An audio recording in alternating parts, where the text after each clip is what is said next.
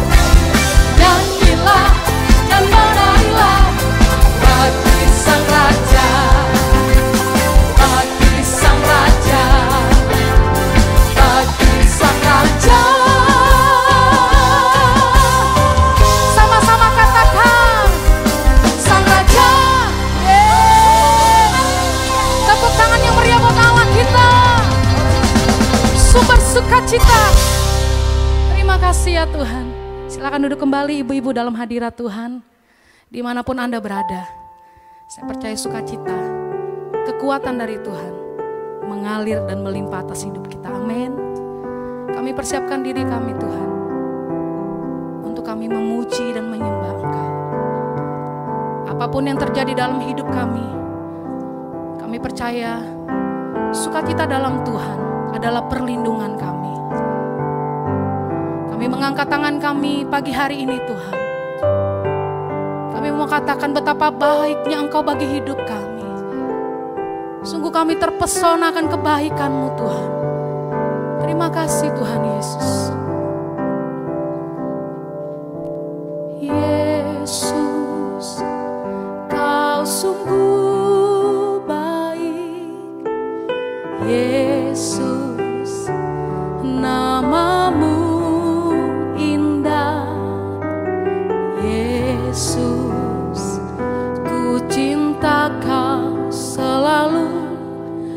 tinggikan.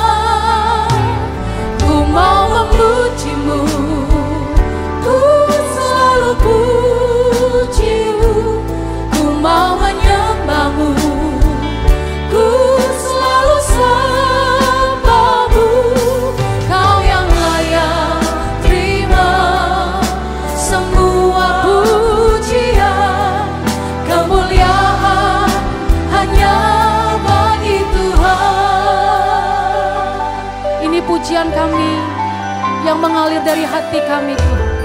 Yesus, kau sungguh baik.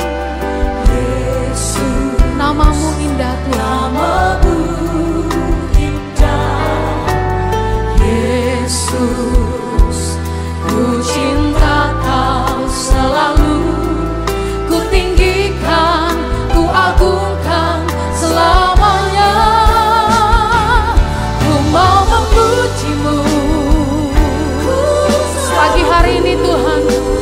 segenap hati kami. Kami memujimu ya Tuhan.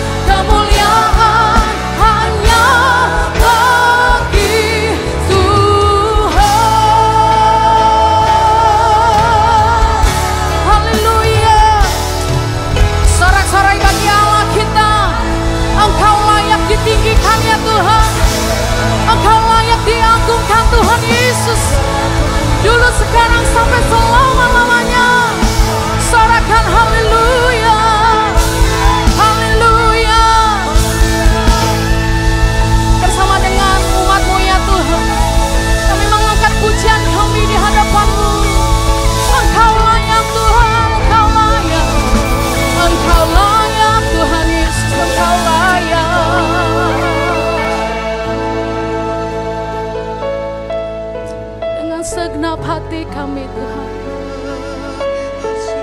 Kami bersyukur pagi ini. Kami bersyukur Tuhan Yesus. Engkau layak ditinggikan Tuhan. Segala kemuliaan hanya bagimu.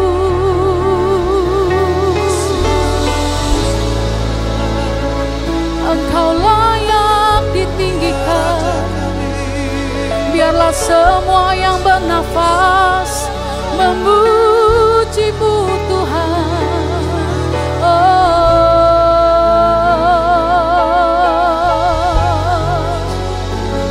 Mari ibu-ibu di mana pun Anda berada Angkat pujian kita di hadapan Tuhan.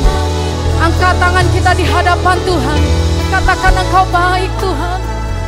Engkau baik Tuhan Yesus. Haleluya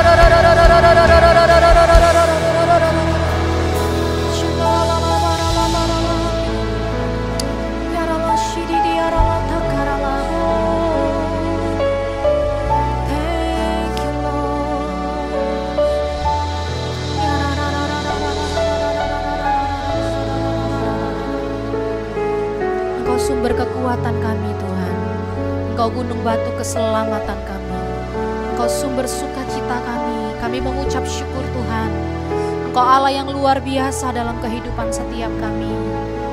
Kalau hari ini kami boleh ada sebagaimana kami ada Tuhan Kami tahu semua karena anugerah Tuhan dalam kehidupan setiap kami.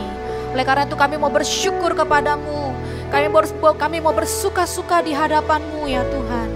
Terima kasih Tuhan, terima kasih untuk kasih-Mu, kebaikan-Mu yang tidak pernah berkesudahan dalam hidup setiap kami. Kami berterima kasih kami punya Allah yang seperti Engkau ya Tuhan. Kasih Tuhan, terima kasih. Pagi ini bersama-sama dengan umat-Mu, bersama-sama dengan para wanita ya Tuhan, kaum ibu. Kami mau duduk diam mendengarkan suara-Mu Tuhan. Kami berdoa, mari Roh Kudus berbicaralah untuk setiap kami. Kami menyiapkan hati kami, kami menyiapkan telinga kami ya Tuhan. Bahkan pikiran kami pagi ini ya Tuhan, untuk boleh diisi oleh kebenaran-Mu. Karena kami tahu Tuhan kebenaran-Mu itu memerdekakan setiap kami Tuhan. Terima kasih. Kami mengundang Roh Kudus untuk boleh bekerja di tengah-tengah setiap kami yang mendengarkan dan beribadah pagi ini ya Tuhan. Roh Kudus Engkau mengajar kami, menuntun kami ke dalam seluruh kebenaran. Supaya hidup kami dimerdekakan oleh Engkau ya Tuhan. Terima kasih Bapa. Kami mengucap syukur bagimu segala pujian dan hormat. Urapi hambamu Tuhan. Biar dengan cara yang sederhana, hambamu boleh menyampaikan kebenaran firmanmu pagi ini. Roh Kudus kau berbicara ya Tuhan. Ini doa kami. Ini doa kami pagi ini. Kami siap Tuhan untuk boleh duduk diam mendengarkan kebenaran firman-Mu. Terpujilah Engkau di dalam nama Tuhan Yesus. Mari kita yang percaya bersama-sama kita katakan, amin. Amin. Puji nama Tuhan, Shalom kaum ibu. Apa kabarnya hari ini? Ya, kita bersyukur ya sepanjang bulan ini kita menikmati anugerah Tuhan yang luar biasa. Nah, gereja kita memiliki tema di sepanjang bulan ini adalah sukacita. Sukacita itu adalah buah roh yang kedua. Kita tahu bahwa sukacita adalah hal yang penting dalam kehidupan setiap orang ya. Karena sukacita itu memberikan kekuatan. Namun sering kali seiring bertambahnya usia kita dalam uh, seiring kita bertambah dewasa, sering kali uh, rasa sukacita itu tidak semudah waktu kita kanak-kanak dulu ya. Jadi kalau dulu mungkin masih kecil, biasanya uh, tidak tidak terlalu banyak alasan untuk kita tertawa. Tapi semakin kita dewasa, rasa-rasanya hampir sulit gitu untuk menemukan alasan untuk tertawa. Padahal ilmu pengetahuan itu menuliskan bahwa ada banyak sekali manfaat di dalam kita bertawa, eh, tertawa ya bagi kesehatan. Misal tertawa itu atau bersuka cita bisa membuat imunitas tubuh kita meningkat. Tentu hari-hari ini kita tahu menghadapi pandemi yang ada, maka setiap kita berjuang untuk bisa menaikkan imunitas tubuh kita ya, baik melalui asupan makanan yang kita makan atau juga melalui uh, multivitamin yang kita minum, olahraga dan sebagainya. Tapi sebenarnya ada satu kekuatan yang sebenarnya ada di dalam diri kita, yaitu sukacita. Itu bisa membuat imunitas kita meningkat ya. Salah satu lagi adalah uh, Manfaat daripada tertawa itu menurut kesehatan adalah uh, bisa menurunkan tekanan darah. Jadi sukacita sebenarnya itu bisa menyembuhkan kita, membawa kesembuhan baik secara fisik maupun secara emosional. Hari ini kita akan belajar bersama-sama dan merenungkan kebenaran firman Tuhan bahwa sukacita Tuhan adalah kekuatan kita. Kenapa kita penting untuk bersukacita? Kenapa sukacita itu penting? Ya, Amsal 17 ayat 22 itu mengatakan bahwa hati yang gembira menyehatkan badan, hati yang murung mematahkan semangat. Jadi hati yang gembira itu menyehatkan badan, sementara hati yang murung mematahkan semangat. Nah, hari ini coba kita merenung kembali, apakah kondisi hati kita sedang dalam hati yang gembira atau murung dengan semua situasi yang ada hari-hari ini. Kita tahu semua bahkan dunia hari-hari ini mengalami masa-masa yang sulit ya. Tapi uh, saya percaya bahwa memiliki hati yang gembira adalah sebuah pilihan, keputusan yang kita harus ambil setiap harinya ya. Kemudian Amsal juga mengatakan bahwa di Amsal 18 ayat 14 mengatakan bahwa orang yang bersemangat itu dapat menanggung penderitaannya. Tapi siapa yang dapat memulihkan semangat yang patah? Nah, jadi orang yang bersemangat tentu dia bisa menanggung penderitaannya. Karena apa? Semangat itu akan membuat kita itu boleh terus berjuang menghadapi hari demi hari tekanan-tekanan yang ada. Tapi Amsal katakan, tapi siapa yang bisa memulihkan semangat yang patah? Ya, jadi sukacita itu adalah kekuatan kita. Nah, jika kita tidak punya sukacita, jika kita tidak punya kekuatan, maka kita akan mudah dikalahkan. Ya, sekali lagi saya katakan bahwa sukacita adalah kekuatan kita. Jika kita tidak punya kekuatan, maka akan mudah sekali kita untuk dikalahkan ya.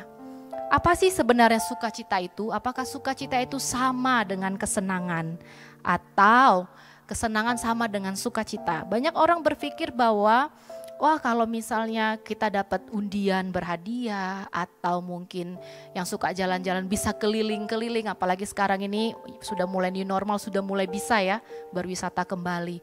Kita merasakan ada kesenangan, ada sukacita dalam hati kita. Apakah itu sukacita? Ada perbedaan yang paling mendasar antara senang dan sukacita ya kaum ibu. Kalau kesenangan biasanya itu sifatnya hanya sementara. Mengapa sementara? Karena dia berasal dari luar, tidak ada di dalam kehidupan kita. Dia bisa hilang dan menguap seketika itu juga kalau misalnya sesuatu yang kita senangi itu habis atau berlalu atau uh, sudah selesai. Misalnya kalau kita senang makan sesuatu, kemudian kita mungkin suami kita mem membawakannya ke rumah, setelah makanannya habis biasanya rasa senangnya hilang. Nah, gitu. Tapi sukacita itu lebih bersifat uh, menetap ya, tidak sementara, tidak temporer. Dia sifatnya menetap. Karena apa? Karena sukacita itu berasal dari Tuhan ya. Jadi dengan kata lain kesenangan itu tergantung dari apa yang terjadi di sekitar, di sekitar kita. What's happening ya around us. Jadi tergantung dari apa yang uh, terjadi di sekitar kita. Ya itu itu kesenangan itu membuat kita ya kalau suasana lagi baik ya kita bisa senang. Tapi kalau suasana mungkin seperti sekarang ya masih walaupun new normal tapi kita belum terlalu seperti dulu. Ya kita sudah mulai masuk kepada adaptasi kebiasaan baru. Ada peraturan-peraturan protokol-protokol budaya-budaya baru yang harus kita ikuti bersama untuk saling menjaga kesehatan satu dengan yang lain. Tapi sukacita itu tidak tergantung dari apa yang terjadi di sekeliling kita namun sebaliknya sukacita itu bergantung dari apa yang ada di dalam kita nah pertanyaannya sekarang adalah Kenapa sukacita itu sering kali hilang dalam kehidupan setiap kita? Sementara kita tahu bahwa sukacita sebenarnya ada di dalam kita, tapi kenapa sukacita itu tidak selalu senantiasa ada di dalam kita? Nah, Yohanes 10 ayat 10a mengatakan bahwa pencuri datang hanya untuk mencuri, membunuh dan merusak ya. Kita tahu iblis adalah pencuri. Nah, biasanya pencuri itu kalau datang ya ke rumah kita, Biasanya dia akan mencuri barang-barang berharga atau sesuatu yang uh, berharga dalam kehidupan kita. Nah, jadi iblis tahu bahwa misalnya uh, dia itu mencuri, membunuh dan merusak segala sesuatu yang baik dalam kehidupan setiap kita. Bahkan apa yang dijanjikan Tuhan dalam hidup kita. Nah, sering kali misalnya kalau kita kecurian misal di rumah, kadang kita nggak sadar begitu kejadian itu terjadi. Tapi kalau misalnya kita ingin mencari barang tersebut ternyata udah nggak ada, nah kita baru sadar, oh ada yang ambil gitu. Nah sama juga dengan iblis. Kadang-kadang kita nggak sadar bahwa iblis itu datang dan sudah mencuri sukacita dalam kehidupan kita. Kita nggak tahu tiba-tiba aja kita udah bad mood, kemudian kalau misalnya orang atau orang di sekeliling kita, anak kita bicara dengan kita, kita suaranya udah nada tinggi terus. Kemudian kalau suami kita mungkin minta bantuan kita, kita mungkin udah teriak-teriak. Tanpa kita sadari, sukacita itu udah iblis curi dalam kehidupan kita. Nah, apa yang membuat sukacita itu hilang? Yang pertama, yang membuat sukacita kita hilang itu adalah dosa. Dosa dalam bahasa Ibrani itu disebut dengan hamartia. Artinya apa? Artinya adalah meleset atau tidak tepat sasaran atau tidak mengenai target. Apa yang meleset? Apa yang tidak tepat sasaran atau apa yang tidak mengenai target? Apa yang tidak mengenai target atau apa yang meleset adalah harusnya kita sebagai orang percaya hidup sesuai dengan ketetapan-ketetapan dan janji-janji Tuhan. Tapi sering kali iblis datang kemudian menggoda kita untuk untuk berbuat dosa sehingga akhirnya apa yang Tuhan firmankan di dalam kebenaran firman itu tidak bisa kita lakukan sehingga makanya dikatakan meleset, tidak tepat sasaran. Ya. Jadi e, kalau kita melanggar firman Tuhan biasanya saat dosa itu masuk dalam kehidupan kita, maka sukacita itu akan meninggalkan kehidupan kita.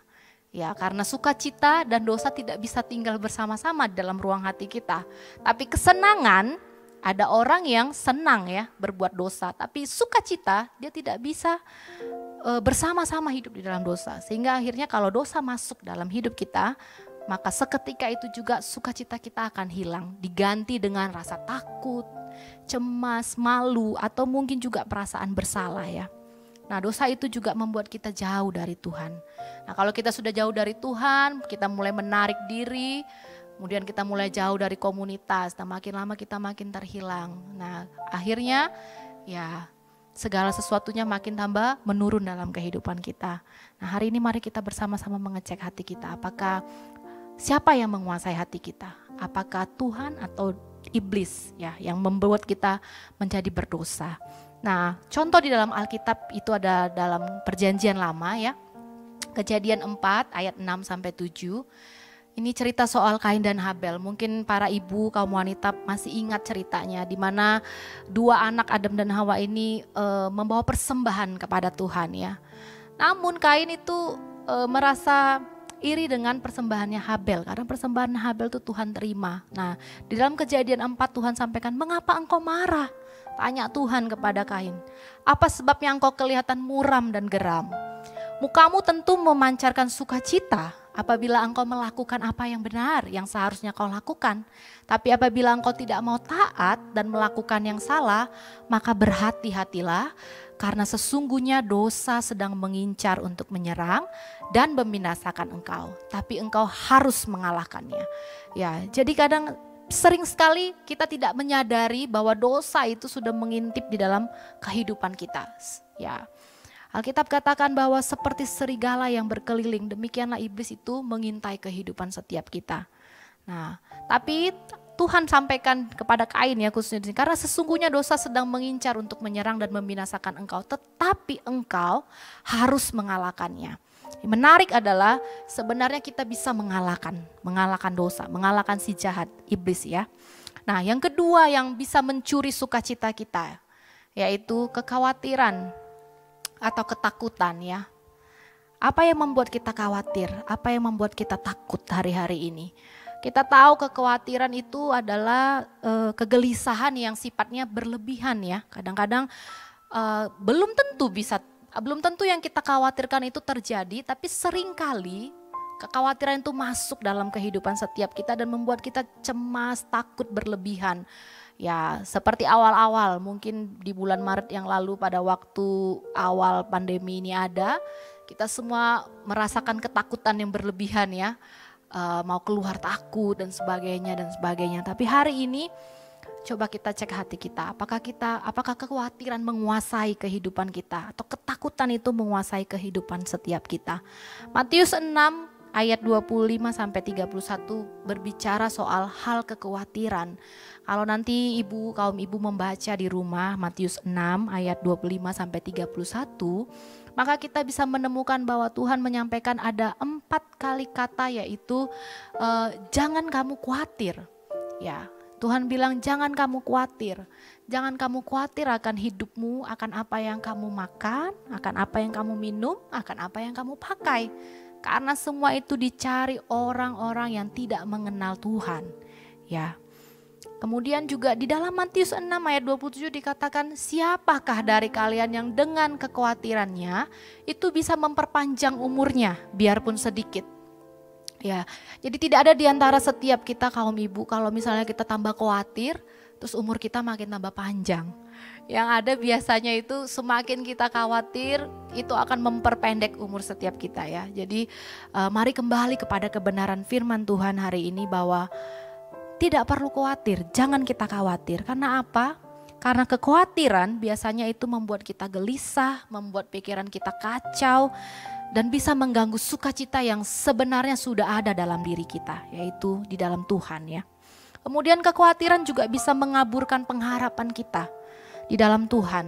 Ya, Harusnya kita bisa terus senantiasa memfokuskan mata kita tertuju kepada Tuhan. Tapi sering kali kekhawatiran hidup itu mengaburkan pengharapan kita kepada Tuhan. Kemudian kekhawatiran juga bisa membuat kita ragu-ragu. Kita nggak percaya pada Tuhan, pada janji-janjinya, pada kebesarannya. Ya, 1 Petrus 5 ayat 7 mengatakan bahwa serahkanlah segala kekhawatiranmu kepadanya sebab ia yang memelihara kamu. Amin. Mari hari ini kalau kaum ibu ada yang yang sedang beribadah bersama-sama. Jika engkau khawatir hari-hari ini tentang apa yang mungkin apa yang akan kita makan, apa yang akan kita pakai, apa yang akan kita minum hari-hari ini.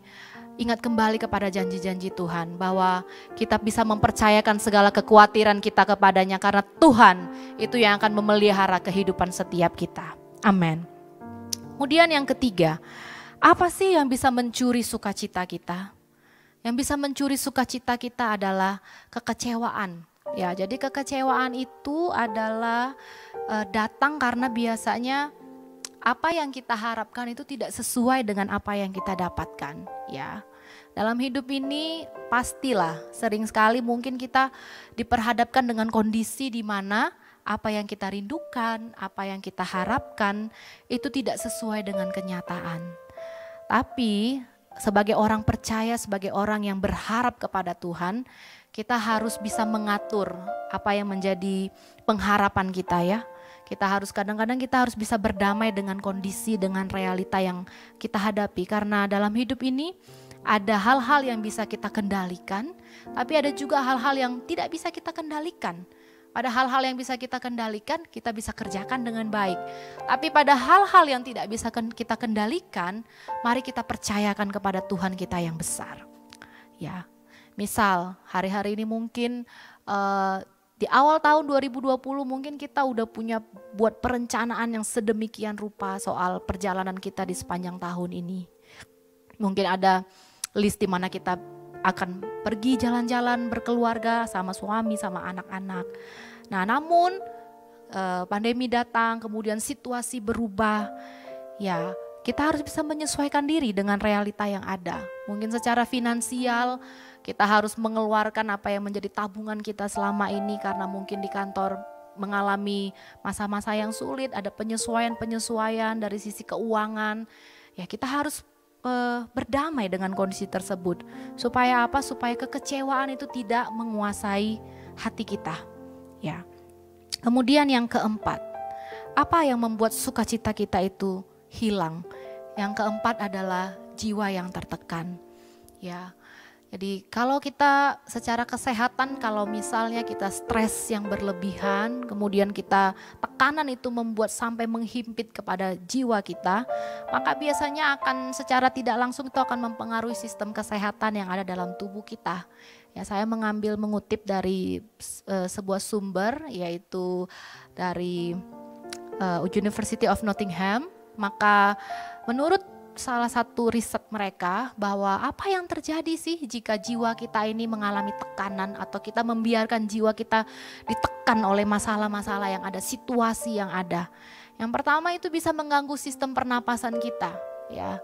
Jadi kita tidak bisa lagi bernafas dengan normal karena apa? Mungkin oksigen tidak bisa dipompa dengan baik kepada jantung dan sebagainya. Kemudian juga sistem kekebalan tubuh kita bisa menurun Ya, karena ada hormon kortisol yang namanya hormon stres itu hormon kortisol yang dilepaskan dari tubuh kita yang menekan sistem kekebalan tubuh kita. Ya, pada akhirnya kita tahu mungkin kaum ibu bisa baca dari uh, internet bahwa itu bisa membuat kita itu lebih rentan terhadap uh, virus atau bakteri-bakteri yang ada. Yang ketiga itu adalah denyut jantung dan tekanan darah kita bisa meningkat ya. Jadi sebenarnya pada waktu kita stres yang berlebihan, apakah karena kondisi hari-hari ini yang kita hadapi? Ya, eh, kondisi baik di tempat bekerja atau kondisi secara finansial, kesehatan, apa pun yang hari-hari ini menjadi persoalan dalam kehidupan kita. Mari kita berkata seperti pemazmur katakan, yaitu mengapa engkau tertekan hai jiwaku dan mengapa engkau gelisah di dalam diriku. Berharaplah kepada Allah sebab aku bersyukur lagi kepadanya, penolongku dan Allahku. Ya, jadi setiap kali masalah datang, mari ingatkan diri kita sendiri untuk bisa berbicara. Kalau jiwa kita lagi lemah, lagi lesu, mari perkatakan firman Tuhan. Berharaplah kepada Allah, sebab aku bersyukur lagi kepadanya, penolongku dan Allahku. Bahkan pemazmur juga katakan di Mazmur 103 ayat 1 yaitu Uh, pujilah Tuhan, hai jiwaku, dan jangan lupakan segala kebaikannya.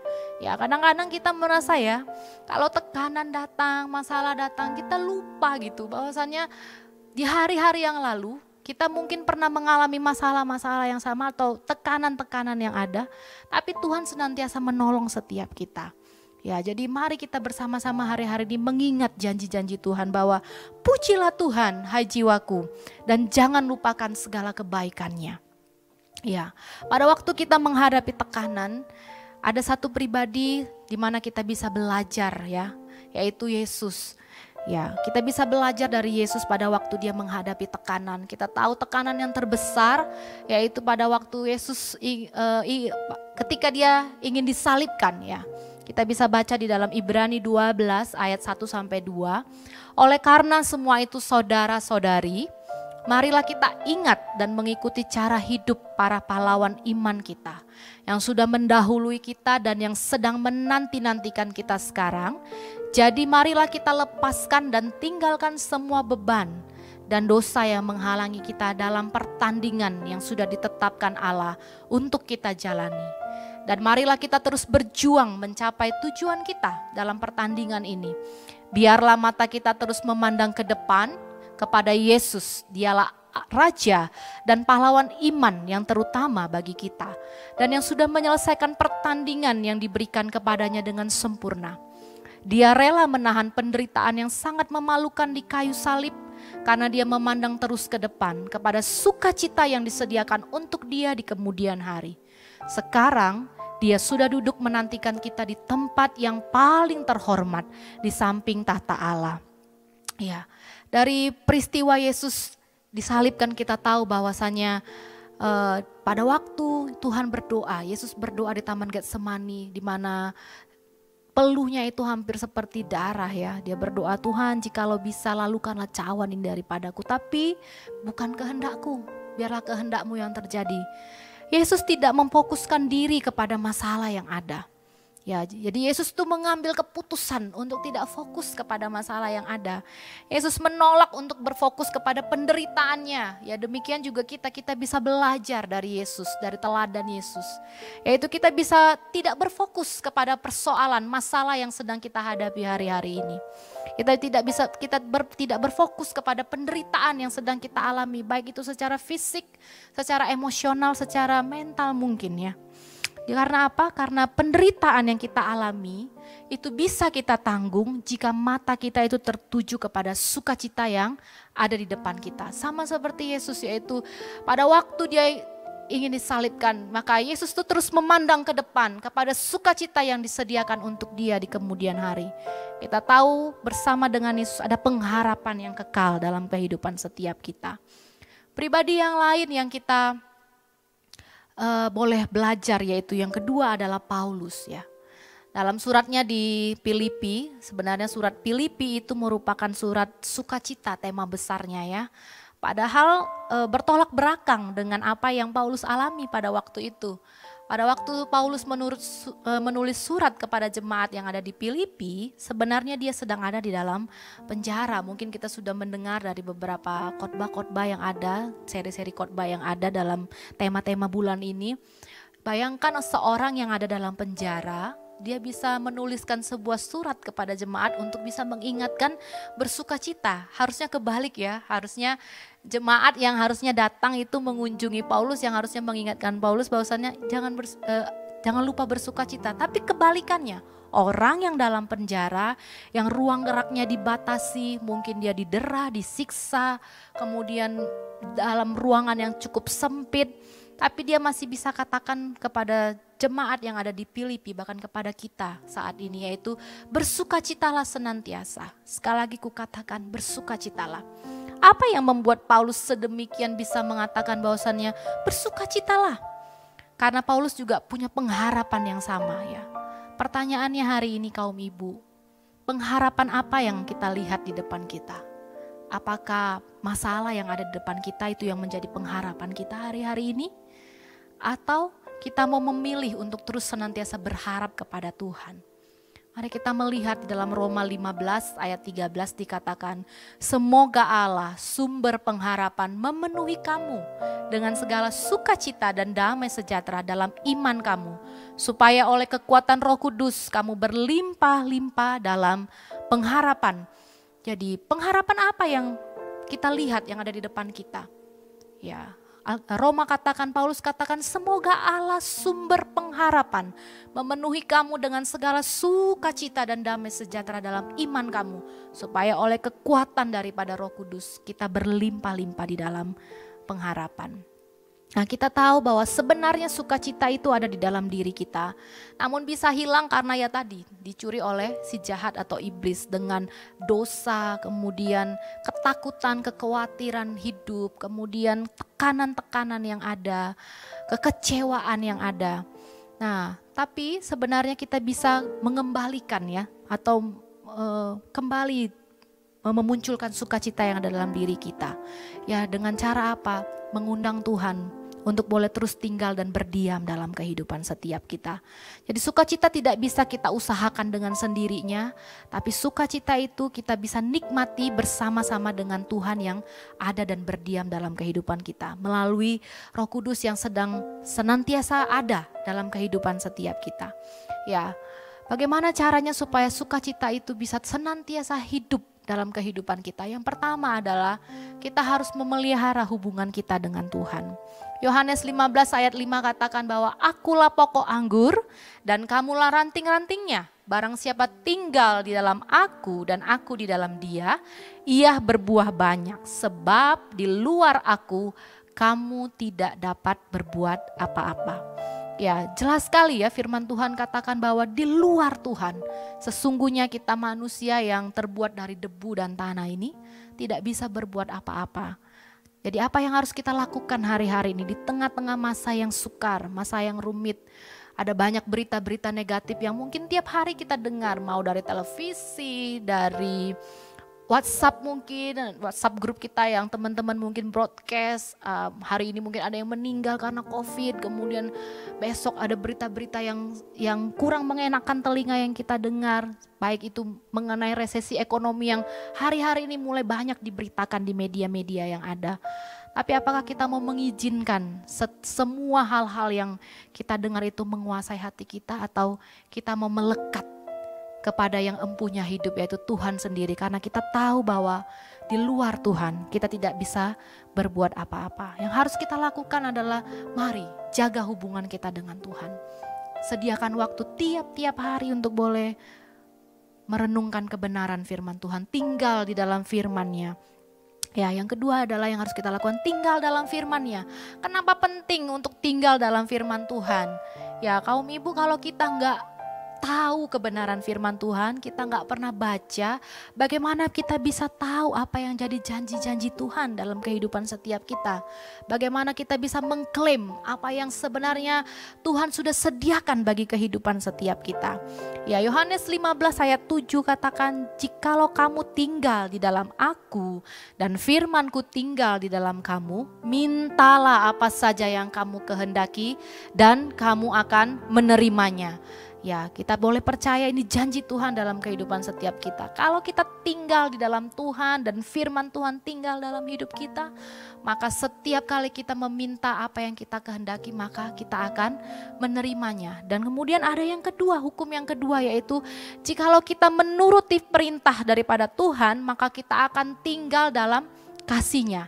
Jikalau kamu menuruti perintahku, kamu akan tinggal di dalam kasihku, seperti aku menuruti perintah Bapakku dan tinggal di dalam kasihnya. Semuanya itu kukatakan kepadamu, supaya sukacitaku ada di dalam kamu, dan sukacitamu itu menjadi penuh. Ya, kalau kita mau hari-hari ini sukacita itu meluap-luap dalam kehidupan setiap kita, ada dua hal yang harus kita lakukan yaitu pelihara hubungan dengan Tuhan, bangun hubungan dengan Tuhan, bangun mesbah tiap hari. Kemudian tinggallah dalam firman-Nya, pelajari, perkatakan, mulai perkatakan apa yang menjadi janji-janji Tuhan dalam kehidupan setiap kita. Saya percaya ada kuasa dalam perkataan ketika kita mulai memperkatakan apa yang menjadi janji-janji Tuhan, maka kehidupan kita akan berubah. Kita tahu bahwa kalau bicara soal kekuatan kuasa perkataan, kita ingat bahwa kejadian satu, bumi dan segala isinya Tuhan ciptakan melalui perkataan-perkataannya, melalui firmannya. Ada kuasa di dalam perkataan setiap kita. Mari jadikan Tuhan sumber pengharapan kita, karena pengharapan itu menghidupkan sukacita. Nah selama masih ada sukacita, selama masih ada pengharapan, maka saya percaya sukacita kita masih ada. Nah sekarang apa pengharapan kita? Kita tahu dari Roma 15 tadi katakan Allah itu adalah sumber pengharapan setiap kita. Ya, sukacita itu dimulai dengan sebuah keputusan ya. Bukan karena kondisi, bukan karena keadaan, tapi sukacita itu adalah sebuah keputusan di mana kita harus memutuskan tiap hari kita akan memilih apakah kita mau bersukacita atau kita mau terus menggerutu dengan kondisi yang sekarang ada. Pilihan ada di tangan setiap kita kaum ibu. Tapi saya percaya wanita Betel di tempat ini kita memilih untuk bisa bersuka cita tiap-tiap hari kita memfokuskan pikiran kita kepada Kristus yang adalah sumber pengharapan sukacita kita. Ya. Kemudian uh, yang terakhir adalah dikatakan bahwa jadi akhirnya saudara-saudara semua yang benar, semua yang mulia, semua yang adil, semua yang suci, semua yang manis, semua yang sedap didengar, semua yang disebut kebajikan dan patut dipuji, pikirkanlah semuanya itu. Ya, bagaimana kita bisa memaintain sukacita yang ada dalam kehidupan kita? Mari kita mulai untuk bisa seperti yang Filipi katakan bahwa semua yang benar, semua yang mulia, semua yang adil, semua yang suci, semua yang manis, semua yang sedap didengar, semua yang disebut kebajikan dan patut dipuji. Pikirkanlah semuanya itu. Nah, kalau kita balik ayat ini kalau misalnya kita kita coba balik ya, semua yang tidak benar, semua yang tidak mulia, semua yang tidak adil, semua yang tidak suci, semua yang tidak manis, semua yang tidak sedap didengar, semua yang disebut uh, kejahatan dan tidak patut dipuji, jangan pikirkan. Jangan berikan ruang kepada pikiran kita untuk memikirkan hal-hal yang negatif, tapi mari kembali kepada kebenaran firman Tuhan, bahwasannya pikirkanlah hal-hal yang benar, yang mulia, yang adil, yang sedap didengar. Karena apa? Karena Paulus katakan di dalam Filipi 1 ayat 6 bahwa akan hal ini aku yakin sepenuhnya yakni Tuhan yang memulai pekerjaan yang baik di antara kamu akan meneruskannya sampai pada akhirnya pada hari Kristus Yesus. Jadi kita punya pengharapan bahwasanya Tuhan yang sudah memulai yang baik dalam kehidupan setiap kita itu akan terus senantiasa menyertai kehidupan kita sampai nanti Tuhan datang kali kedua menjemput kita di awan-awan yang permai. Ada satu kutipan sebelum kita tutup, ada satu kutipan dari Charles Swindoll ya, cukup manis kutipan ini. Dia mengatakan bahwa Joy is an attitude determined by confidence in God. Jadi sukacita adalah sikap yang ditentukan oleh keyakinan kepada Tuhan. Bahwa dia sedang bekerja dan memegang kendali, membiarkan segala sesuatu terjadi untuk satu tujuan akhir yaitu kemuliaannya yang lebih besar. Jadi kalau hari ini kondisi kita tidak dalam kondisi yang kurang baik mungkin, mungkin masalah kesehatan, masalah ekonomi, masalah keluarga, apa pun yang menjadi situasi kita hari ini. Hari ini kita belajar bahwasannya bahwa sukacita kita tidak ditentukan oleh apa yang sedang terjadi di sekeliling kita. Tapi sukacita sebenarnya ditentukan oleh apa yang ada di dalam kita. Pertanyaannya hari ini adalah siapa yang menguasai, siapa yang ada di dalam kita? Apakah Tuhan Allah yang besar itu yang ada di dalam kita? Roh Kudus yang berkarya yang luar biasa menghibur, memberikan kekuatan itu yang bekerja, yang kita undang untuk berkarya dalam kehidupan setiap kita. Mari pagi ini ambil waktu kita bersama-sama kita merenungkan apa yang menjadi situasi kita hari-hari ini. Kita naikkan sebuah pujian kepada Tuhan. Makasih Tuhan. Nyanyi pujian bagimu.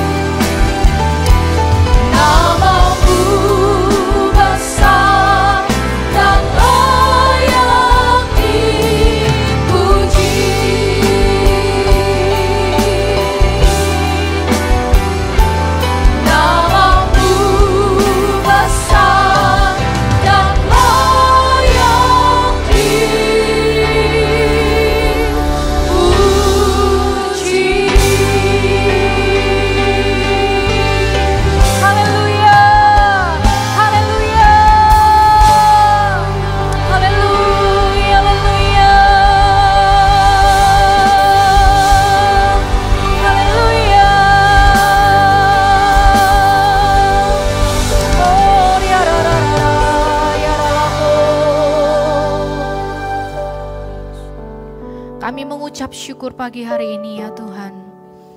Kami menyadari Engkau sumber sukacita setiap kami. Dan pagi ini Tuhan kami mau mengambil keputusan untuk boleh tetap bersuka cita melampaui segala situasi yang sedang kami hadapi hari-hari ini Tuhan. Kami mau katakan bahwasannya Engkaulah sumber sukacita kami Tuhan. Engkau alasan untuk kami boleh terus memuji-muji, menari-nari, bersuka-suka ya Tuhan. Terima kasih Tuhan, terima kasih untuk kebenaran firman-Mu pagi ini. Oh, terima kasih ya Tuhan. Terima kasih Bapa. Kami berdoa ya Tuhan untuk setiap wanita yang, yang mendengarkan firman-Mu pagi ini ya Tuhan. Setiap mereka yang lemah dikuatkan, dikuatkan di dalam nama Tuhan Yesus. Oh, jika ada mereka yang sakit ya Tuhan, pagi ini kami berdoa biarlah kesembuhan yang daripada Tuhan mengalir mengalir memenuhi setiap mereka ya Tuhan. Oh ya rala syandarala takarala Tuhan kau sumber pengharapan kami, kau sumber sukacita kami. Engkau sumber segala sesuatu dalam kehidupan setiap kami ya Tuhan. Oleh karena itu kami mau katakan kami tidak akan takut. Kami tidak akan khawatir ya Tuhan tentang hidup kami. Sebab Tuhan memelihara setiap kami ya Tuhan. Oh kami mengucap syukur Tuhan untuk pemeliharaanmu. Terima kasih Tuhan, terima kasih. Terima kasih untuk janji-janjimu Tuhan. Kami tahu kami tidak hanya hidup dari apa yang kami makan dan apa yang kami minum. Tapi kami hidup dari kebenaran firman-Mu ya Tuhan. Firman-Mu akan memerdekakan kami dan memberikan kami kehidupan. Membangkitkan semangat yang patah hari-hari ini menegakkan kepala kami ya Tuhan untuk terus berdiri, berjalan ya Tuhan, menghadap Engkau berjalan dari satu kemenangan kepada kemenangan yang lain. Terima kasih Tuhan, terima kasih Engkau melampaui segala situasi kami pagi ini. Terpujilah Engkau ya Tuhan. Kami mengucap syukur. Kami mengucap syukur untuk Tuhan yang yang kepadanya kami beribadah. Tuhan yang kepadanya kami percaya. Engkau Allah yang luar biasa Tuhan. Engkau memegang kendali segala sesuatu yang terjadi di sekeliling kami. Dan kami percaya Tuhan bahwa Engkau turut bekerja untuk boleh mendatangkan kebaikan bagi orang-orang yang mengasihimu ya Tuhan. Terima kasih Tuhan, terima kasih. Kami mengucap syukur. Dan pagi ini juga Tuhan, kami mau berdoa untuk bangsa kami. Kami mengangkat tangan kami untuk negeri kami Indonesia. Tuhan kami mengucap syukur untuk 75 tahun. Bulan ini kami boleh merayakan kemerdekaan. Kami mengucap syukur untuk penyertaan-Mu 75 tahun atas negeri kami ya Tuhan. Kami berdoa lanjutkanlah kasih dan setiamu atas negeri ini. Oh kami berdoa untuk kesejahteraan, untuk kedamaian, sentosa. Boleh ada atas Indonesia. Dari mulai Sabang sampai dengan Maroke ya Tuhan. Kami berdoa untuk pemimpin-pemimpin yang ada di bangsa kami. Kami berdoa untuk presiden, untuk wakil presiden, untuk seluruh menteri kabinet kerja yang ada. Oh orang-orang yang duduk di badan legislatif, yudikatif, eksekutif ya Tuhan. Bahkan pemerintah daerah mulai dari pusat, gubernur, wali kota, bupati ya Tuhan. Kami percayakan hamba-hambamu ke dalam tangan Tuhan. Berikan hikmat, berikan kekuatan untuk boleh terus membawa bangsa ini masuk ke dalam tanah perjanjian yang Tuhan sudah tetapkan bagi negeri kami. Terima kasih Tuhan secara khusus hari-hari ini. Beri hikmatmu untuk boleh membawa bangsa kami keluar dari situasi yang ada, resesi yang sedang dihadapi dunia hari-hari ini. Tuhan kami berdoa, kami percaya negeri kami akan bangkit dalam tanganmu ya Tuhan. Terima kasih Tuhan. Terima kasih kami mengucap syukur ya Tuhan. Kami juga berdoa untuk para pemimpin-pemimpin kami. Kami berdoa Tuhan untuk gembala pembina kami, gembala sidang kami, keempat wakil gembala yang ada. Oh biarlah anugerah Tuhan itu senantiasa berkarya atas hamba-hambamu ya Tuhan. Seluruh gembala-gembala cabang yang ada, pos-pos PI yang ada ya Tuhan, seluruh departemen yang ada dalam gerejamu di tempat ini. Kami berdoa Tuhan pakai gerejamu untuk boleh senantiasa berbuah hari-hari ini di masa yang sulit. Pakai gerejamu untuk boleh menjadi berkat lebih lagi ya Tuhan. Terima kasih Bapak. Kami mengucap syukur untuk apa yang Tuhan sediakan dalam kehidupan umatmu. Kami berdoa untuk umatmu ya Tuhan. Oh kami berdoa Tuhan memberkati keluarga demi keluarga. Kau memberkati setiap rumah tangga demi rumah tangga dengan kerukunan, dengan damai, dengan sejahtera yang daripadamu ya Tuhan. Dan biarlah Tuhan dari rumah-rumah kami boleh melihat ada mesbah-mesbah yang senantiasa terus menyala-nyala ya Tuhan. Yang akan membawa ukupan yang menyenangkan hatimu ya Tuhan. Yang akan menarik surga. Itu boleh turun di tengah-tengah kota kami, di tengah-tengah negeri kami.